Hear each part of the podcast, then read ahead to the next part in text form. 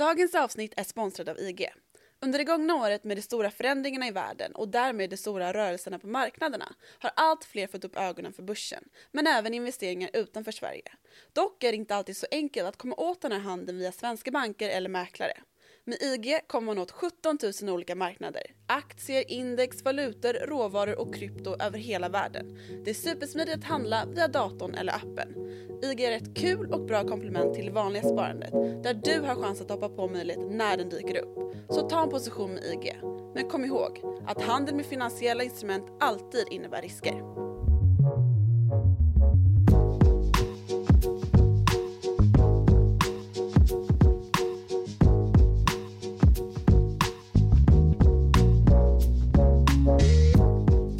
En geniförklarad finansman gick ur tiden den 14 april 2021. Ja, geniförklarad är ju kanske att ta i, för det epitetet kom att bytas ut 2008 när Bernie Madoff och världens genom tiderna största finansskandal avslöjades för en hel värld. Omfattningen var enorm och de skinnade offren fanns i alla världsdelar. Vem var han och eh, hur blev det möjligt för honom att upprätta det största pyramidspelet i historien och vad kan vi lära oss av det i en tid av börshype, uppköpsskalbolag och kryptovalutor? Det här är Follow the Money, en podcast om makt, storfinans och börsen av och med mig, programledare Martin Nilsson och utrikesredaktör Joakim Rönning. Jag börjar detta extrainsatta avsnitt med att fråga Joakim Rönning en sån här enkel fråga. Vem var Bernie Madoff? Uh, en gubbe som en gång i tiden faktiskt var ordförande i Nasdaq. Starkt. Ja, verkligen starkt. Uh, och det var ju kanske lite därför då att han hade en ganska så stabil bakgrund som många kom att luras in i det här pyramidspelet som ju var hans uh, fall sen. Hans livsgärning. Ja, precis. Men man ska ju minnas då att uh, Bernie, Sa Bernie May, undrar hur många gånger jag kommer säga Bernie Sanders i det här avsnittet? Ja, det vore taskigt Ja, faktiskt. för det är ju inte samma kille alls. Nej. Nej. Uh, Bernie Madoff, hans karriär på Wall Street startade på 60-talet när han då kom på att det finns väl en efterfrågan för det här med penny stocks, det som vi i Sverige kallar för frimärksaktier. Aha. Uh, det var ju en tillgångsklass som var rätt svår att komma åt då för småsparare på den tiden eftersom att de uh, inte rörde sig så mycket på börsgolv som, som vi gör idag då. Och när vi gör det idag så gör vi ju det indirekt via typ Avanza eller Nordnet eller sådär. Mm. Så han var väl egentligen, vad ska man säga, en uh, pionjär inom det området. Uh, Att tillgängliggöra. Ja, eh, penny stocks. öppna upp marknaden för en mindre, uh, mindre investerare. Men då klassiska två lurar kring, kring öronen och Ja, köp, sälj, köp, sälj. Ja, Over the counter beställningar då, att man kunde ringa in sina uh, ordrar. just det. Så det, det var ju där hans uh, geni kanske gjorde nytta då, om han nu hade ett sånt. Och eh, det gjorde han ju kanske innan hans eh, psykopati blev så fulländad som den sen kom att bli då. För det här, den här verksamheten var ju väldigt eh, uppskattad och väldigt gynnsam och lönsam för honom. Mhm. Så han blev ju en oerhört förmögen man. Och då hade han det här Nasdaq-bakgrunden i, Ja i precis, och så ryggen blev han ju då som invald i, i Nasdaqs styrelse och kom att bli ordförande då, non-executive chairman som det heter. Mm. Och kopplade ju såklart ihop sig med många av Wall Streets storspelare i och med det här ju. Blev ett aktat namn, alla visste vem Bernie Madoff var. Så kom han då senare att ehm, få två stycken söner, Mark och Andrew. Som när de blev vuxna tillsattes då att eh, ratta det här market making eh, företaget som, som han startade då. Som hette, Åh, vad hette det? Bernie, nej Bernard L. Madoff Securities tror jag det hette. vackert. Ja. Ehm, och där satt de då och gjorde, utformade sådana här tjänster då där man på ett lättare sätt ska komma åt börs, börsgolvet, kunna handla lättare. Precis som, som alla mäklartjänster vi har idag fast det var. Det som idag har flyttat online såklart. Mm. Eh, och det här var ju en helt legitim business, hela tiden. Hur tjänar de pengar? Um, och det här har vi ju gått igenom i, i, i lite längre skala, så om vi ska hålla det här avsnittet lite kortare så, så kan man ju gå till de här GameStop-avsnitten som vi gjorde, Mm. där vi dividerade en hel del om eh, en av, ett av Bernie Madoffs skötebarn, Payment for Order Flows, som då har varit uppe för en hätsk debatt här i efterspelet till det här Reddit-fenomenet, där det visade sig plötsligt för folk och fä att eh, det faktiskt går att tjäna pengar på att skapa eh, ett system då där användare eller vad ska man säga, småsparare handlar väldigt mycket. Mm. Ehm, och gratis dessutom då, som man kallar det på typ Robinhood som är den amerikanska versionen av Avanza eller Nordnet då. Att man stimulerar folk att handla så mycket det bara går och så säljer man deras orderflöde eh, till en market maker. Just det, för att det finns pengar att tjäna just i att affärer begås Precis. oavsett vilken riktning de, de Precis, faller och det här, det här anses då vara liksom ett skötebarn av Bernie Madoff som nu har kommit upp till ytan igen i debattsammanhang då och där man till och med suttit i kongressutfrågningar då med ehm, ja, politiker och de här cheferna på Robinhood och så vidare som, som har varit i centrum då för, för den här debatten när, och de- den kom sig ju då av att man stoppade GameStop eh, eh, transaktioner, det gick inte att köpa GameStop-aktien längre. Just och det. det anses ju då vara en ganska så kritisk eh, faktor bakom att kunna handla upp en kurs då som Reddit eh, Reddit-publiken vill göra. Mm. Ja, ni kan gå tillbaka till det avsnittet som sagt. Men sen så, vid sidan av då så, så hade ju Bernie Madoff en egen liten verksamhet i Lipstick Building på Manhattan. Mm. Där han satt då och eh, fnullade ihop ett väldigt, väldigt framgångsrikt fondkoncept. Så att det var inte enbart mäkleri och payment for Nej. order? Det var också en lite hemlig verksamhet som var, den gick lite grann under den här, eh, det här epitetet Don't ask, don't tell. Eh, Mm. Han bara, det, det blev liksom en, en premietjänst för väldigt förmögna personer att ta sig in då i den här verksamheten och få investera i Bernie Madoffs eh, fondkoncept då. Mm.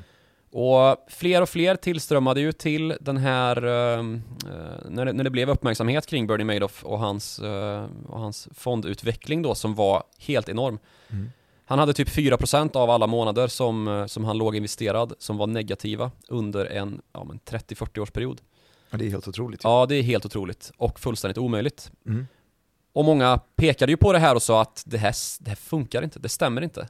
Men, men han, han är ju ett geni. Ja, han precis. är ordförande i Nasdaq och han har kommit på Mm. konceptet payment for order flows. Precis. Och han sitter i the lipstick building. Så han red ju då på den här legenden om sig själv, eller vad man ska säga. Och fick in väldigt mycket kapital. Mhm. Summa summarum, 64 miljarder dollar har man räknat ihop då att eh, den här fonden uppmätte.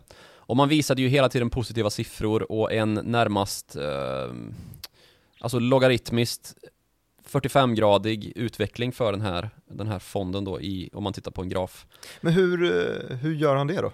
Ja, det är, framgår ju inte. Det är ju då dels den här ehm, att man säljer ordrar Mm. till då den egna verksamheten där sönerna Mark och Andrew sitter.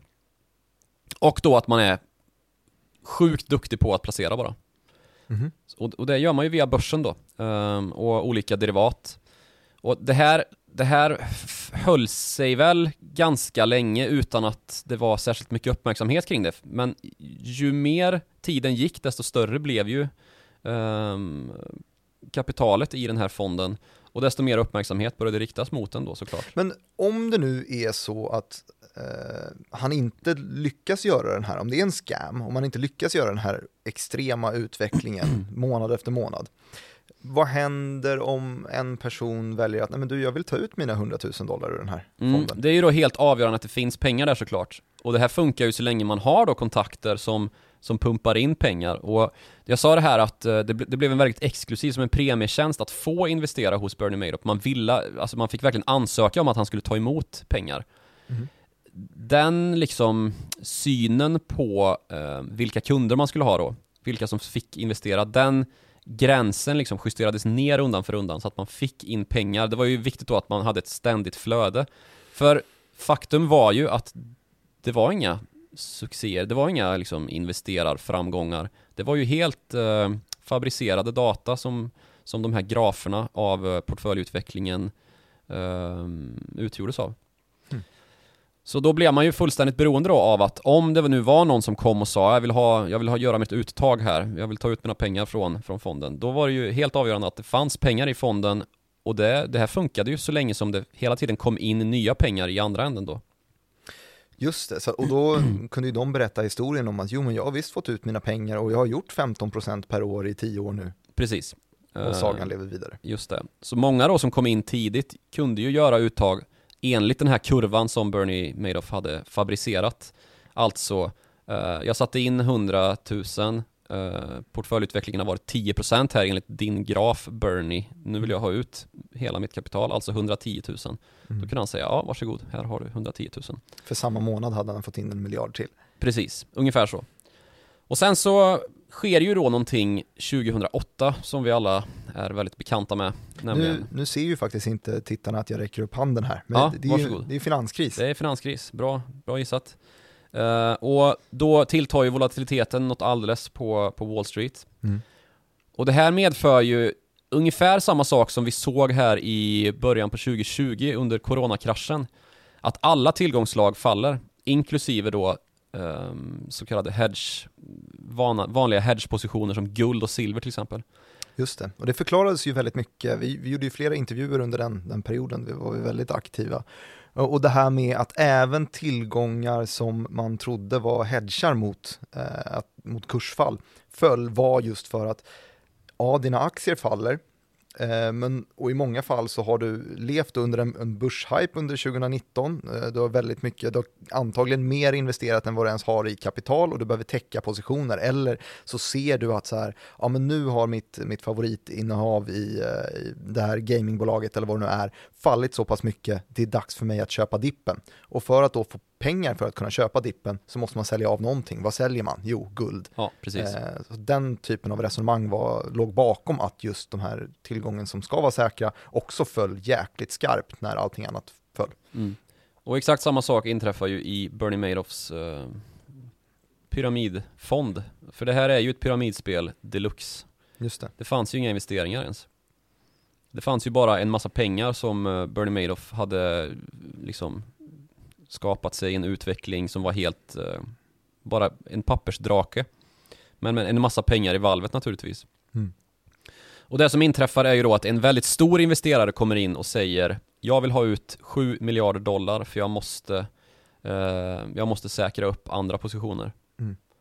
Som han då hade på, eller han, som, som en, en av kunderna då hade på en annan i en annan, eh, i ett annat tillgångsslag, förmodligen aktier på Wall Street då som föll Just det. något fruktansvärt där under 2008. Och då kan ju inte Bernie Madoff betala tillbaks där, för så mycket pengar finns inte i fonden. Mm. Ehm, och när det här börjar läcka ut på gatan då att eh, Bernie Madoff är illikvid, vad är det som händer? Så kommer ju fler och fler och säger jag vill ha ut mina pengar. Mm. Då sätter sig eh, Bernie Madoff vid sin telefon och så ringer han upp sina två söner Mark och Andrew. Och så säger han med gråten i halsen att eh, det finns inga pengar. Allt är bara en stor bluff. Och de vet inte ens om det. Nej, enligt deras utsagor då så vet de inte ens om det. Hmm.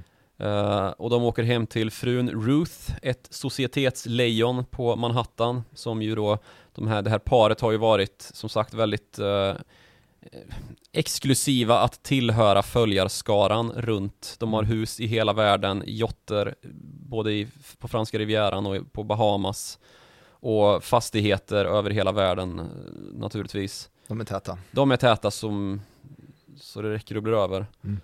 Ehm, och då dessutom en ganska så betydande filantropiverksamhet, så de har ju verkligen blivit liksom gala personer Mm. eh, som står på röda mattan och som är inbjudna vart helst eh, de behöver bli inbjudna. De åker hem till Ruth och eh, förklarar också för henne då att eh, det, det, här, det här jag har skapat är ett eh, ponzi-scheme då som det kallas. Eh, efter Charles Ponzi, den första Kul att det skulle komma in lite historia här nu Ja. också. Lite historia. På, I början på 1900-talet. Ehm, och Ruth vet ju inte vad ett ponzi-scheme är, så men då förklarar Andrew och Mark då att nej, det är, det är pengar som inte finns i princip.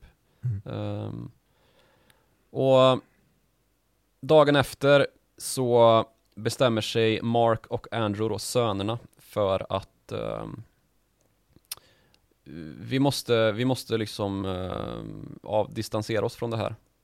Mm. Så de tar ju ganska snabbt av från verksamheten och Bernie Sanders grips Nej. redan Nu, nu var det Sanders förlåt. igen. Bernie Madoff grips redan dagen efter att han då har berättat för sina söner att, att eh, det här är en bluff. Mm. Och då är det ju så att eh, man har fått ett visselblåsartips då som man tillsammans med de här ehm, vad ska man säga, vittnesmålen om att man inte har fått ut sina pengar de här investerarna har anmält åt finanspolis att vi har inte fått ut våra pengar, vi misstänker att Bernie Madoff är eh, insolvent. Så um, kan man då lägga ihop ett och ett med det här visselblåsar eh, som har slagits. Mm. Och sedermera så visar det sig då att visselblåsaren är, eh, eller visselblåsarna är hans söner själva. Som då Mm. har slagit larm till finanspolisen och sagt att pappa är en svindlare. Så där faller ju korthuset och eh, konsekvenserna blir ju direkta och enorma för man kan ju konstatera då att det finns inga pengar. Eh, att liksom betala tillbaks alla de här som har investerat i Bernie. 64 miljarder dollar. Ja. Ja, precis. Alla de som har investerat i Bernie Madoffs eh, fond, det är ju pengar som kanske, alltså man, man hittade väl ungefär hälften av de här pengarna. Mm. Så av alla dollar som blev inbetalade så var det kanske hälften, alltså 50 cent som, som man fick tillbaka. Ehm, och det pågår ju fortfarande idag ett arbete med att försöka få tillbaka de här pengarna från de tidiga investerarna, för de har ju kunnat gottgöra sig eh, innan hela, hela korthuset föll ihop då så, såklart. Men det är väl lite definitionen av pyramidspel just, att de, de tidiga in i ett pyramidspel är de som, det är inte bara eh, själva grundaren som tillskansar sig degen, utan Nej precis, är du tidigt in så kan du ju, så kan du ju begära uttag och de du gör uttagen ifrån är ju egentligen de som kommer in senare. exakt, finansieras av de som kommer in i bluffen sist. Ja, det liknar ju lite grann det här, alltså multilevel marketing eh, Mm. principen då som, som har blivit allt mer populär i våra dagar och det är ju verkligen något man ska akta sig för. Det är ju lite det här Tupperware-upplägget eller vad ska man säga? Det finns ju skit om Tupperware också. Ja, det är tråkigt, det är ett börsbolag dessutom, sjukt. Eh, men att, att man då ska sälja vidare och så rekrytera nya säljare ungefär. Mm. För att, eh, ja, Du, jag var på, på den, eh, på tal om det, var jag på en, jag började spela golf förra sommaren ju. Fortfarande usel, eh, norr om 40 handikapp har jag. Kan, ser helt sjuk ut när jag svingar. Men, och missar ofta. Men jag var på en runda då, en, en eh, förkastlig runda i, på Kungsängen Queens, heter det. Eh, 18 hål, det tar lång tid att gå. Oh, jag, jag, jag gillar den här, det, det låter som att du ska snacka skit om någon du har spelat golf med. Ja, det är lite så faktiskt. Jo men så var det jag och en, en kompis och det är så när man spelar golf att man går fyra personer på en boll så att det är två personer här som jag inte känner. Men de lär man ju känna under en runda som är fyra timmar lång liksom. Och desto längre om man inte är så duktig. Ehm, och eh, vi går och vi surrar och det är en, en, eh, en äldre eh, herre, kanske ja, men pensionsålder i alla fall, eh, är de andra två. Eh, och vi pratar mycket och, och då umgås under de här timmarna och tar en kaffe i den här lilla 10 minuters pausen mellan hål 9 och 10 och, och liksom har det rätt skönt. Eh, och mot hål 16 och sånt där så börjar, börjar han då har vi kommit in lite på, vi har ju gått igenom de flesta samtalsämnena, vad jobbar du med och så vidare och jag har berättat att jo, men jag jobbar finansreporter och så vidare. Och då börjar han smyga in att kan inte du få lite rätsida på det här för jag tycker att Crowd One har behandlats så dåligt. Mumma. Eh, så vi behöver verkligen någon reporter som kan skriva om det här, eh, för det här, det media snackar väldigt mycket skit om det och det är egentligen världens, eh, världens underverk, Crowd Mm, One, som då visar sig vara ett eh, multilayer marketing Ja. eh, ett pyramidspel rakt av. Ja, det är Johan Stefan Holsteins eh, propagerade pyramidkoncept ja. Ja, och eh, den här, den här golfmänniskan, jag börjar ju dra öronen åt mig men väl inte riktigt vara, vara otrevlig där och då. Och Jag menar det är två hål kvar så att Du jag, är väldigt dålig på det också. ja, faktiskt. Sämre än på att spela golf. Ja, vä- väldigt vänlig och dålig golfspelare är jag, absolut. Eh, Men så jag säger, fortsätter säga bra slag, bra slag, eh, när, han, när han slår. Eh, och eh, sen så mot slutet ändå så kan jag inte säga nej utan jag ger honom mitt, mitt visitkort i alla fall, dumt nog kanske, när han ska säga hej då. Jag menar vi har umgåtts i fyra och en halv timme ändå. Så det var svårt. Eh, men jag tänkte att ja, men det här kom, jag kommer ju aldrig höra av honom igen utan jag säger absolut, jag ska kolla på det. Eh, han bet sig fast som en igel han. det gjorde han, för Ja, att det ramlar det in mail fortfarande. Ja. Där han, där han eh, propagerar för hur Ja. bra Crowd One är. Han var inte den fadersfigur du trodde han var. Nej, och det är ju just precis så här det fungerar. Och jag tänker att är man inte så jäkla, eh, att vet man inte att de här koncepten finns så är det ganska lätt att fastna i att, aha, gör man, vadå, har du gjort 20% per, per år i, eh, under så här lång tid och du lever på dagarna med att bara spela golf och du har inte ens börjat ta ut din pensionen och du bara lever på det här genom att rekrytera nya personer. Och, vad härligt! Och oj, en von Holstein också som leder hela grejen, ja det är ju legitimt.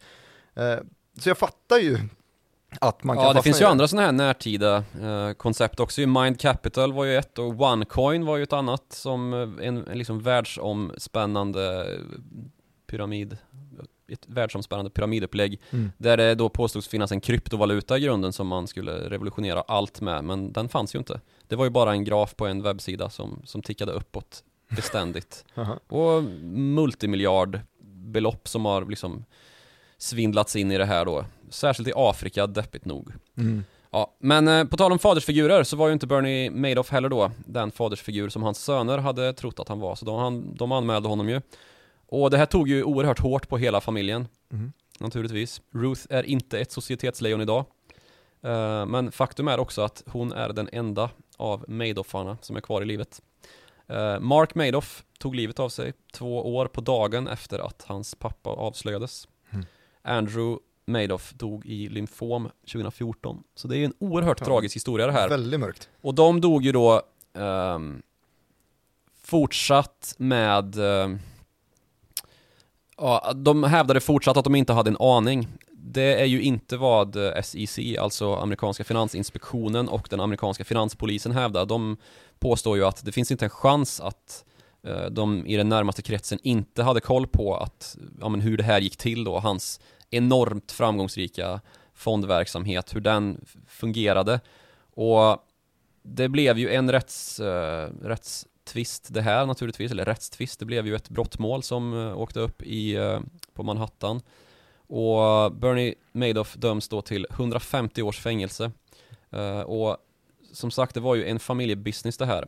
Sönerna klarar sig undan ehm, och hävdar ju som sagt sin oskuld. Det men- låter ju otroligt tillrättalagt just med Ja. det här att det är de som också visselblåsar Ja. efter att han redan har blivit Ja, precis. avslöjad. Och Ish. Ruth Madoff hävdade ju också då att hon, att hon inte hade en aning, trots Mm. att hon hade kontor då i, i byggnaden och var ehm, Hon var dessutom eh, redovisningsansvarig i, i Bernie Madoffs tidiga verksamheter på 60-talet, men inte då på senare tid. Men, Så hyfsat kunnig i hur pengar förflyttas i ett ja, det, det kan man ju anta. Mm. Men eh, hans, hans bror däremot eh, blir också dömd till fängelse, 10 år får han. Ehm, så han är nog ute nu. Men som sagt, här i veckan så avled då Bernie Madoff av naturliga orsaker i fängelset. Och ja, Han där, hann inte eh, sitta av sina 150 år. det, han hann inte riktigt sitta kvar, sitta ut dem, nej. Men han, måste, han är en, en gammal man då. Ja, Eh, 82 var. eller något sånt här var han. Ja, då så. Så det var ju, han var ju en gammal man redan när, eh, när det här avslöjades. Mm. Men ja, där har vi lite grann eh, det hela, hela saken i sin, i sin fulla längd.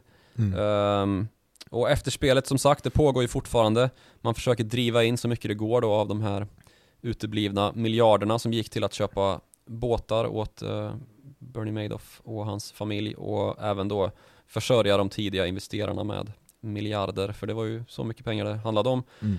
Och många har ju naturligtvis, ju längre det här gick eh, och kom ner i, ska man säga, förmögenhetsskalan så är det ju många som fick liksom flytta från hus och hem som hade gått på det här då. Mm. Och dessutom kanske hade tipsat alla de kände, eh, inklusive familj.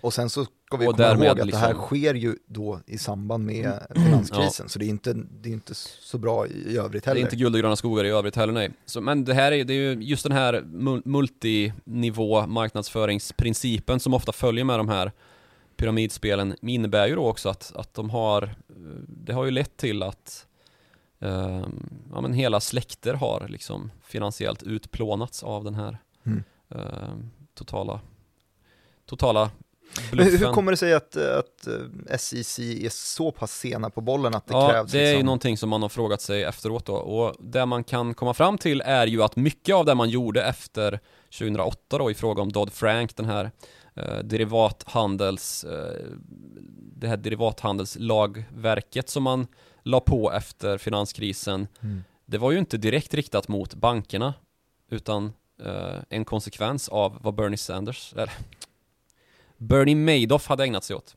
Mm.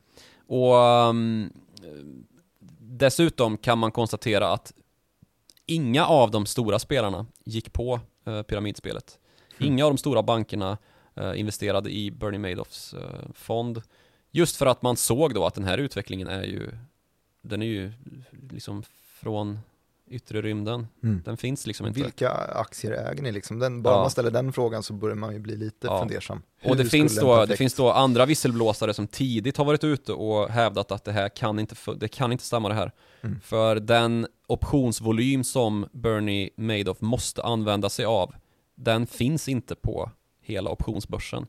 Mm. Eh, alltså han, för att kunna ta de här positionerna då som, som det hävdades, Mm. Eh, då måste han köpa upp mer än vad som finns på, på hela optionsmarknaden för att få den hävstången i rätt riktning hela tiden. Mm. Ehm, och det var ganska enkla matematiska uträkningar som, som kunde visa det.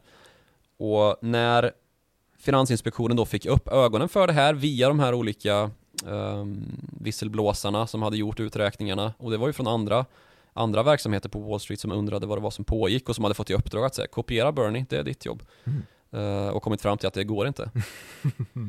Som när, när SEC då tog upp granskningen och intervjuade Bernie Madoff vid ett flertal tillfällen så gick man helt enkelt med på att eh, ja men han säger ändå att, att det funkar. Så ja, vi kör på det. Det låter lite konstigt men vi kan inte bevisa att han är brottslig liksom. Nej, han Så har man ingen fördjupade skyldighet att inte- berätta exakt hur han gör det. Nej, hans- så man fördjupade inte liksom granskningen tillräckligt då för att, för att komma underfund med vad det var som pågick. Mm. Eh, och sen så är det ju tyvärr så att Finansinspektionen både i Sverige och i USA ägnar sig ju alldeles för lite åt, ska man säga, uppsökande verksamhet och, och stick, stickprovskontroller och sådär. Mm. Utan, och det, är- det är väl ganska stor utsträckning så att man ägnar sig åt eh, arkeologi liksom. Att man tittar bakåt på vad det var som hände och hjälper brottsutredningar snarare än att man är ute och agerar aktivt Mm. mot de bedrägerier som ju Men ständigt det är finns man ju också, alltså, som, som nu, så när jag då eh, kom hem efter den här golfrundan och, och kikade igenom och blev nyfiken och googlade och kollade om vi hade skrivit någonting och vad som fanns i arkivet och så vidare, så ser man ju tydligt, aha, Crowd One är ju det är fan flaggat från Mm. någon finansinspektion i något land. Eh, Mind Capital vet jag också så flaggat för, akta er för det här, det här är ett bedrägeri. Men det är ju fortfarande så att det snurrar runt. Finanstwitter för ett halvår sedan eller någonting kryllade ju av Mind Capital, eh, folk som ville rekrytera. Ja, sekteri, sekterismen kommer ju in liksom. Det blir ju, Och man tror liksom inte på, men kolla på den här länken som Mm. leder till Finansinspektionen, de säger ju att det är sjukt. ja, men det är ju girigheten visar sitt fula, fula ansikte och det ska vara snabba cash liksom. Det Mm. finns ju få sätt att få snabba cash på legitima vägar. Mm. Särskilt utan att ha en enorm risk då. Och det här är ju inte ens risk, det här är ju bara girighet och dumhet liksom. Det... Sen så ska man väl kanske vara lite noggrann med att säga då att den här typen av eh, verksamheter som Bernie Madoff eh, ägnade sig åt, det är något annat skulle jag hävda än vad Crowd One och OneCoin är. Det här är liksom en man som har en oerhört hög position eh, om man tittar på hans renommé liksom.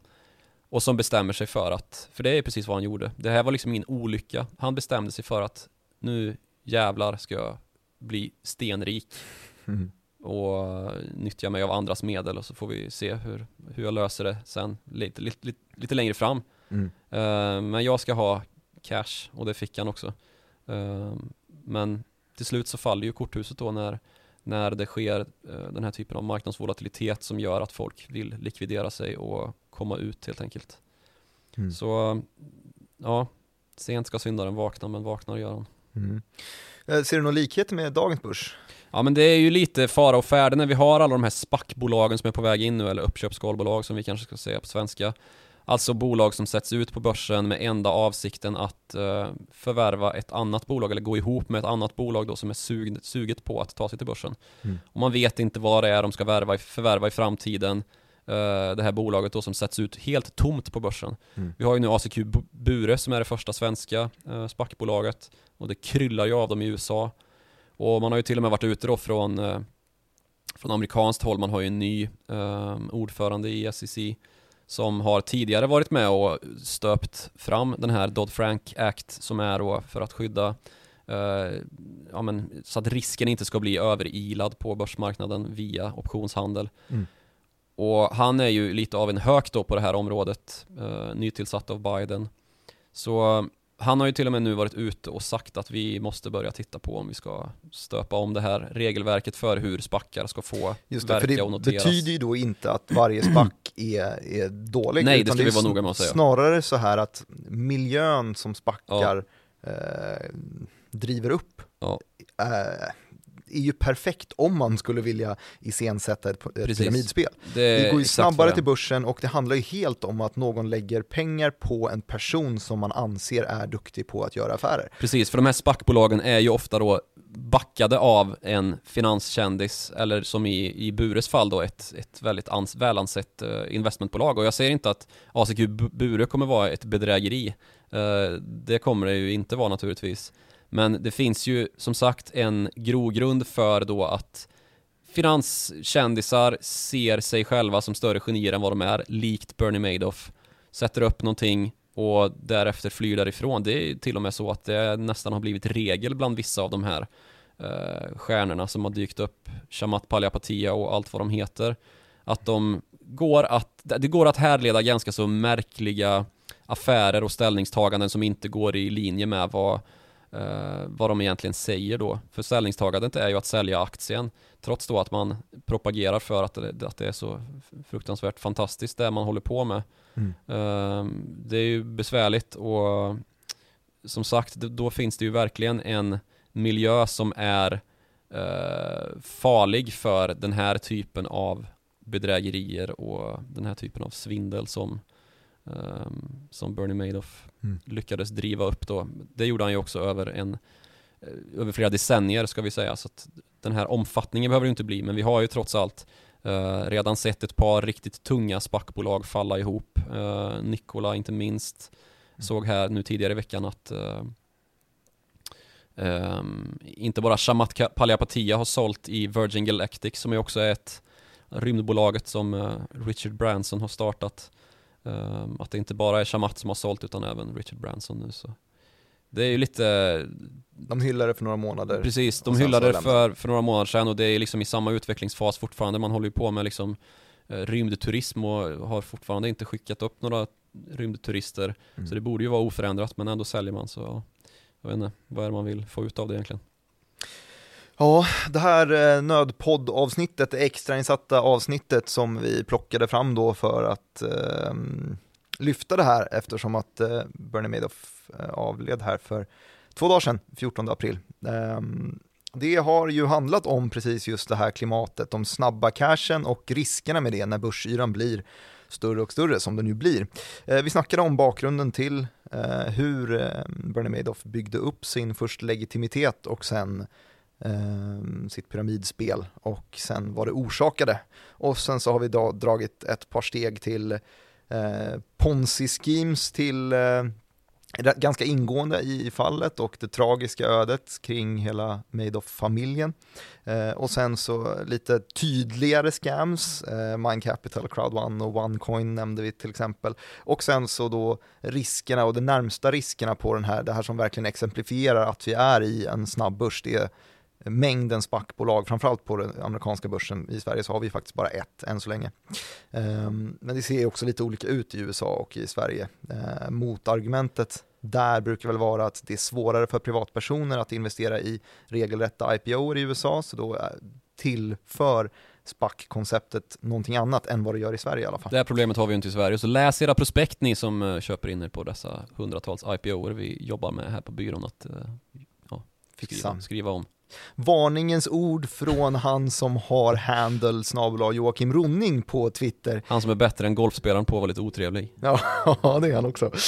Eh, och mig kan man nå på snabel direkt Martin på Twitter och eh, oss båda når ni på mejladressen followthemoney@direkt.se och vi- vi är väldigt glada för att ni lyssnade på dagens extrainsatta avsnitt och vi är tillbaka igen varje onsdag. Vi hörs då.